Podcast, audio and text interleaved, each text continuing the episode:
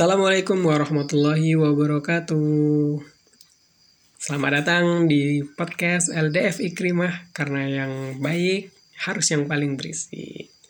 Ya alhamdulillah teman-teman uh, Allah kasih kesempatan sama saya untuk bisa sharing gitu bareng teman-teman di sini gitu pendengar setiap podcast LDF Ikrimah karena uh, udah lama banget gitu ya uh, nggak sharing di podcast.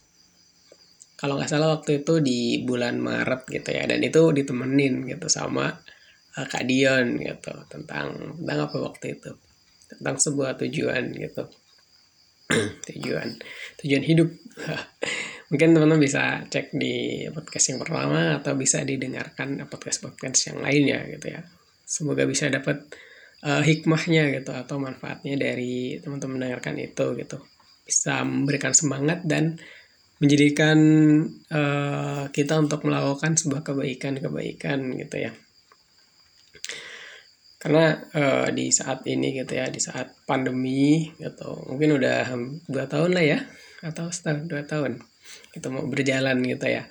Uh, dan mungkin ada udah ada titik terang gitu ya, bahwasanya kita insya Allah akan bisa offline gitu, karena sudah banyak gitu ya lakukan vaksinasi vaksinasi di seluruh Indonesia gitu bahkan beberapa sekolah gitu udah mulai uh, tatap muka gitu ya PTM kalau nggak salah namanya ya iya gitu karena kita juga nggak boleh diem aja gitu. harus bergerak gitu harus bergerak harus uh, melakukan sebuah tindakan gitu ya atau amalan lah gitu jalan atau sebuah mungkin terkadang teman-teman uh, berpikir atau bertanya-tanya gitu apa sih yang bisa aku lakuin gitu di di saat seperti ini gitu. Uh, terus mungkin bingung kan ya. Bingung apa yang harus aku lakuin gitu kan. Nggak tahu mau ngapain gitu atau cuma duduk scroll scroll IG ya ngeliatin doi. Aduh jangan jangan jangan. Kurang produktif itu ya teman-teman kita ubah hal-hal itu untuk menjadi lebih produktif gitu ya.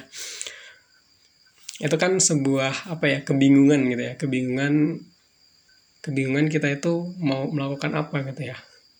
Mungkin dari sebuah tujuan dulu gitu atau peran kita gitu di dunia ini. Kalau kita berpikir lebih jauh lagi atau lebih dari dasar gitu ya. Kita harus tahu dulu nih tujuan dasar. Itu sebenarnya udah disampaikan ya tujuan dasar di di episode awal gitu ya tujuan dasar mungkin agak ngespil dikit di sini. Tujuan dasar kita sebagai manusia gitu ya. Itu kalau kita bertanya-tanya ada sebuah pertanyaan sih. Uh, dari mana aku gitu untuk apa di sini gitu ya? Atau untuk apa sih aku dilahirin di dunia ini gitu? Kenapa harus seorang aku gitu Rijal? Ya seorang Rijal yang dilahirin di sini kenapa nggak nggak Ferguson atau Bambang gitu kan ya mohon maaf yang memiliki nama ya. Bukan maksud apa-apa. Gitu. Itu kan sebuah pertanyaan yang uh, bertanya-tanya kita. Kenapa harus aku sih? Gitu kan. Yang diciptakan. Karena uh, sebenarnya kamu itu uh, bermakna gitu ya. Memiliki sebuah peran. Nah mungkin bingung nih. Perannya itu harus seperti apa gitu.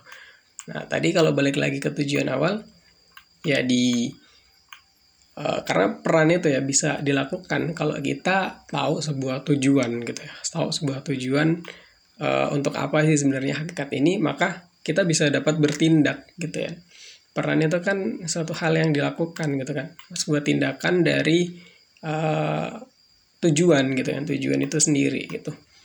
Nah, kalau kita lihat dari yang maha mengetahui gitu kan tujuan kita di dunia ini gitu uh, telah memberi tahu kepada kita gitu melalui sebuah kitab ya yaitu petunjuk untuk kita gitu melakukan segala hal di dunia ini yaitu Al-Qur'an.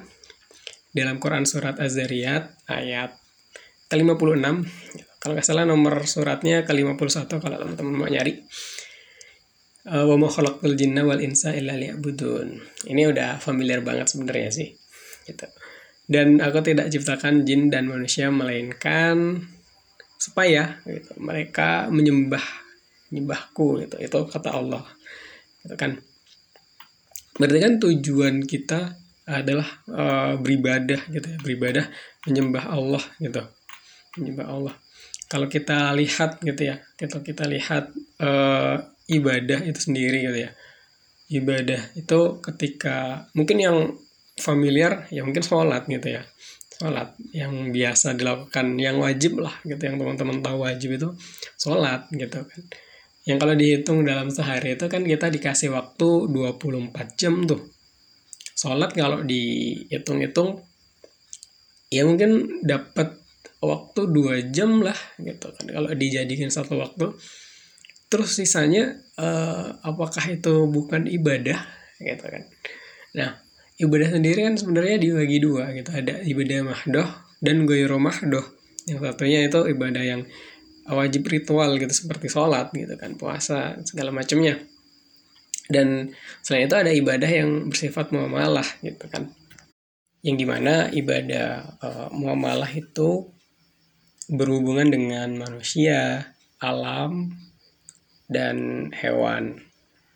Kemudian uh, pertanyaan yang lebih spesifik lagi kenapa seorang aku ini gitu seorang aku dilahirkan? Itu kan yang tadi uh, sebut pertanyaan di awal ya kan. Yang di mana kita tahu bahwasanya ketika hubungan uh, antar manusia tadi gitu, sebagai ibadah muamalah kita lihat dunia ini kan sebegitu kompleksnya atau dengan permasalahan yang uh, sangat banyak kalau kita lihat di Indonesia saja gitu di Indonesia atau bahkan di lingkungan kita gitu, atau di dalam diri kita itu kan banyak permasalahan-permasalahan problematika problematika yang seharusnya eh, kita selesaikan gitu. di diri kita keluarga kita teman kita tetangga kita lingkungan kita mana lagi e, di negara kita itu banyak banget gitu kalau kita lihat sungguh teramat banyak semua masalah. Jadi pertanyaannya apakah aku dilahirkan itu bisa gitu bisa menyelesaikan semua masalah itu atau hanya menambah masalah ya kan? Itu kan uh, sebuah pertanyaan dari kita nih yang kita lihat diri kita ini ya seperti ini gitu. Seperti ini. Apakah itu bisa menyelesaikan masalah-masalah dengan Allah menciptakan kita sebagai tadi untuk beribadah secara mahdo dan ghairu mahdo gitu kan. Secara secara ghairu mahdo sendiri uh, seperti muamalah itu kita kan harus menyelesaikan juga masalah-masalah yang ada di lingkungan kita. Lalu pertanyaannya yang tadi itu, apakah seorang aku bisa gitu untuk menyelesaikan masalah yang begitu kompleks di dunia ini? Maka tadi gitu, maka tadi eh, kita harus menjalankan sebuah peran yang ada dalam diri kita dan setiap kita gitu setiap kita yang akan menjalankan sebuah peran uh, memiliki potensinya masing-masing gitu posisi masing-masing untuk uh, nggak semua nggak harus semua masalah itu bisa teman-teman selesaikan gitu. Karena setiap kalian itu punya potensinya masing-masing untuk uh, tujuan menyelesaikan masalah tersebut gitu. Maka kalau dalam surat Al Isra uh, kalau nggak salah ya Quran surat Al-Isra ayat ke 84 gitu. Uh, setiap orang itu berbuat sesuai dengan pembawanya masing-masing gitu. Maka di situ adalah sebuah potensi atau peran yang uh, setiap masing-masing orang itu kan berbeda-beda gitu.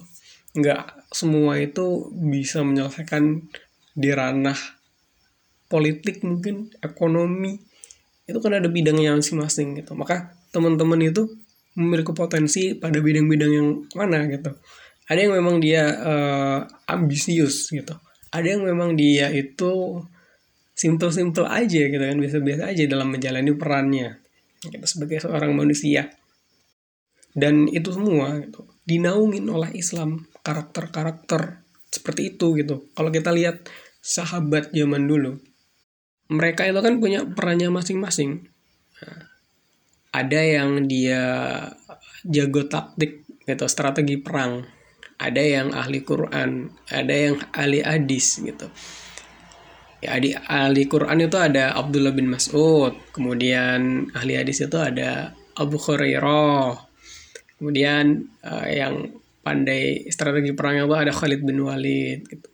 Itu kan punya perannya masing-masing gitu. Ada mungkin yang uh, sifatnya itu simple gitu ya. Simple. Orangnya tuh simple tapi dia punya amalan yang luar biasa. Seperti Wes Alcorni ya, yang berbakti kepada orang tuanya. Ini kan kalau mau dibandingin sama Khalid bin Walid itu ya nggak bisa dibandingin dalam lebih baik siapa gitu kan. Tapi mereka memiliki kebaikan masing-masing atau yang di mana memang telah Allah ciptakan seperti itu. Maka teman-teman di sini pun punya perannya masing-masing. Nggak semuanya harus uh, ahli perang gitu. Nggak semuanya harus seperti ini gitu. tapi ketika potensi teman-teman di mana itu dikembangkan uh, gitu difokuskan di situ. Sehingganya memiliki punya uh, teman-teman punya fokusnya di situ untuk menjalankan sebuah peran yang di mana menyelesaikan sebuah masalah yang kompleks tadi gitu. Atau ibadah uh, muamalah tadi gitu. Tapi jangan juga uh, mentang-mentang apa ya kita uh, perannya seperti itu terus kita bersantai-santai gitu ya. Enggak juga enggak juga gitu. Uh, maksimalin terus potensi yang dimiliki gitu.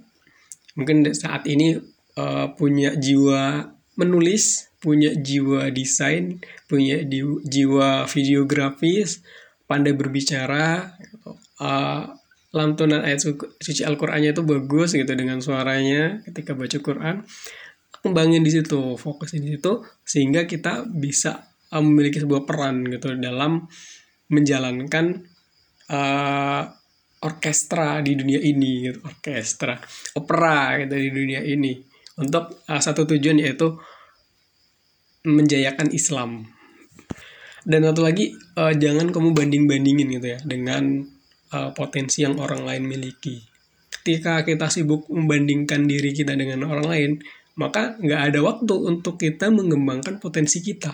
Maka fokuslah pada uh, potensi yang kita miliki, kembangkan terus seperti itu. Sehingga kita bisa melakukan sebuah amalan kebaikan gitu, amal solih yang itu dapat uh, menjadi problem solving gitu ya menyelesaikan sebuah masalah-masalah yang ada di dunia ini itu udah udah jauh banget kayak ya menyelesaikan masalah-masalah yang ada di dunia ini. Gak apa-apa itu adalah sebuah cita-cita yang mulia gitu cita-cita yang tinggi. Atau membebaskan uh, Masjidil Aqsa ya, memerdekakan Palestina itu kan sebuah cita-cita yang mulia. Terus uh, bagaimana mulainya gistarnya mulailah dari yang terkecil dan yang terdekat gitu. Mungkin uh, dari kebiasaan-kebiasaan kita gitu ya yang mungkin dari bangun pagi saja gitu. Kebiasaan bangun pagi itu harus kita latih. Kemudian kebiasaan kita dalam sehari-hari kita seringnya itu megang gadget atau megang Quran gitu. Seringnya itu megang gadget atau baca buku gitu. Seringnya itu belajar atau cuman scroll scroll IG nggak jelas gitu kan. Kalau memang ada tujuan mencari sebuah informasi yang memang lagi lagi dibutuhkan gitu ya. Bukan hanya uh, mengandai-andai mencari informasi gitu dengan siapa tahu dapat informasi itu kan nggak ada tujuan pasti gitu kan di situ maka perlu adanya uh, ikhtiar gitu kebiasaan pembiasaan pembiasaan gitu pembiasaan pembiasaan untuk dapat uh, mencapai titik uh, keberhasilan gitu dan uh, perlu diingat juga ya ini sebuah ini sebuah uh, rambu-rambu untuk kita.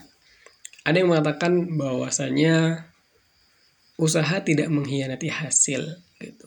Itu sebenarnya kurang tepat ya karena sebuah keberhasilan itu itu bukan hanya dari segi usaha kita saja, tapi ditambah dengan kehendak Allah Subhanahu wa taala. Nah, di situ. Maka jangan terlalu berekspektasi dengan ikhtiar kita. Ya udah, usaha aja, fokus aja dengan amal soleh kita, melakukan kebaikan-kebaikan tersebut, melakukan penempaan-penempaan diri tersebut, maka serahkanlah hasilnya itu kepada Allah. Dan jika sesuatu itu kita niatkan karena Allah Subhanahu wa taala dan yang kita kejar itu itu adalah bukan hasil tapi ikhtiar atau proses gitu. proses yang diniatkan karena Allah Subhanahu wa taala. Karena semua ikhtiar kita itu adalah unsur akhirat. Itu tidak ada namanya kesia-siaan yang ketika usaha kita gagal. Itu nggak sia-sia. Karena itu dia niatkan untuk akhirat, ya kan? Itu. maka mau itu berhasil atau tidak itu sudah dinilai pekerjaan kita. Bahkan ketika belum melakukan sebuah pekerjaan niat itu sudah dihitung pahala oleh Allah Subhanahu keren nggak? Gitu. Jadi sebuah usaha itu kalau nggak berhasil bukan kesia-siaan itu adalah proses yang di mana nanti Allah akan kasih hasilnya gitu sesuai dengan kehendak Allah ya itu karena kita yang bukan yang bukan kita kejar itu bukan hasil tapi adalah proses adalah penilaian dari Allah Subhanahu wa taala. Dan tentunya gitu dengan setiap peran atau potensi yang kita miliki atau kemampuan yang kita miliki yang uh, luar biasa ini gitu sebagai seorang manusia yang diciptakan dengan sebaik-baiknya itu itu ada tanggung jawab besar juga gitu, yaitu untuk menyelesaikan problematika yang tadi itu kan itu yang sungguh kompleks sekali maka sungguh sangat uh, kita menzolimi diri kita sendiri ketika kita tidak memaksimalkan potensi itu untuk hal-hal kebaikan. Karena nggak semua orang, nggak semua orang itu punya potensi seperti yang kamu miliki. Nggak semua orang. Maka sungguh-sungguh sangat sangat zolim gitu kalau kita nggak memaksimalkan potensi yang kita miliki itu. Dan malah ter, terkadang merasa bahwasanya kita tuh nggak punya, punya potensi apa-apa. Gitu. Padahal orang lain yang melihat kita itu sepertinya ada rasa uh, kepingin kepingin rasa uh, berharap gitu ya punya punya potensi yang kita miliki gitu maka perlu sebuah kepekaan gitu ya. Kepekaan bahwasanya harus kita maksimalkan potensi-potensi tersebut yang ada di dalam diri kita. Dan perlu menjadi sebuah catatan penting juga bahwasanya potensi tadi kan berbeda-beda gitu. Maka dengan perbedaan-perbedaan tersebut, kita kan nggak boleh namanya membanding-bandingkan gitu. Dengan perbedaan tersebut seharusnya, seharusnya kita dapat bekerja sama menjadikan sebuah ladang amal jamaah, amal jama'i untuk mencapai satu tujuan. Dan tentunya untuk mendapatkan sebuah peran atau potensi kita berkembang itu nggak hanya dari diri kita sendiri. Perlu adanya peran-peran orang lain di belakang kita. Ibarat uh, kata Muhammad Al-Fatih deh. Muhammad Al-Fatih itu nggak berdiri sendiri dia. Ada peran lain yaitu seorang gurunya. Guru-guru uh, Muhammad Al-Fatih itu berperan di belakang uh, Muhammad Al Muhammad Al-Fatih sehingga menjadikan dia uh, seorang pemimpin yang muda gitu kan dengan menghancurkan menghancurkan membebaskan ya lebih tepatnya membebaskan Konstantinopel itu kan ada peran di belakangnya sebagai seorang gurunya ayahnya peran sebagai seorang ayah maka tidak semua itu harus uh, menjadi seorang Muhammad Al-Fatih gitu karena di belakangnya itu banyak peran-peran yang bisa kita ambil dan sebetulnya uh, kemuliaan itu tidak terletak pada peran yang kita tempati. Tapi bagaimana kita memaknai sebuah peran tersebut untuk beribadah kepada Allah Subhanahu wa taala. Lalu sebuah pertanyaan yang dapat menguatkan kita kenapa kita harus berperan serta beramal solih itu itu ada dalam Quran surat Al-Mulk ayat 2 A'udzubillahi alladzi khalaqal mauta wal hayata liyabluwakum ayyukum ahsanu amala. Yang menciptakan mati dan hidup untuk menguji kamu, siapa di antara kamu yang lebih baik amalnya. Yang di sini uh, dikatakan kita akan diuji, gitu, akan diuji dengan adanya kematian dan kehidupan, yang mana dalam kehidupan itu sendiri atau dengan permasalahan yang banyak itu kan sebagai ujian kita gitu mungkin tanpa adanya ujian tersebut kita nggak akan bisa melakukan sebuah amalan gitu. kemudian di ayat lain gitu, uh, kullu nafsin da'iqatul maut gitu. setiap jiwa pasti merasakan kematian itu kan menandakan bahwasanya uh, usia kita yang terbatas itu yang di mana kita uh, nggak mungkin melakukan sebuah amalan itu selama lamanya gitu pasti uh, dikasih sebuah batasan waktu agar kita memanfaatkan dengan sebaik-baiknya. Bahkan kita bisa melakukan amalan-amalan yang di mana itu bisa melampaui batas waktu yang Allah berikan kepada kita.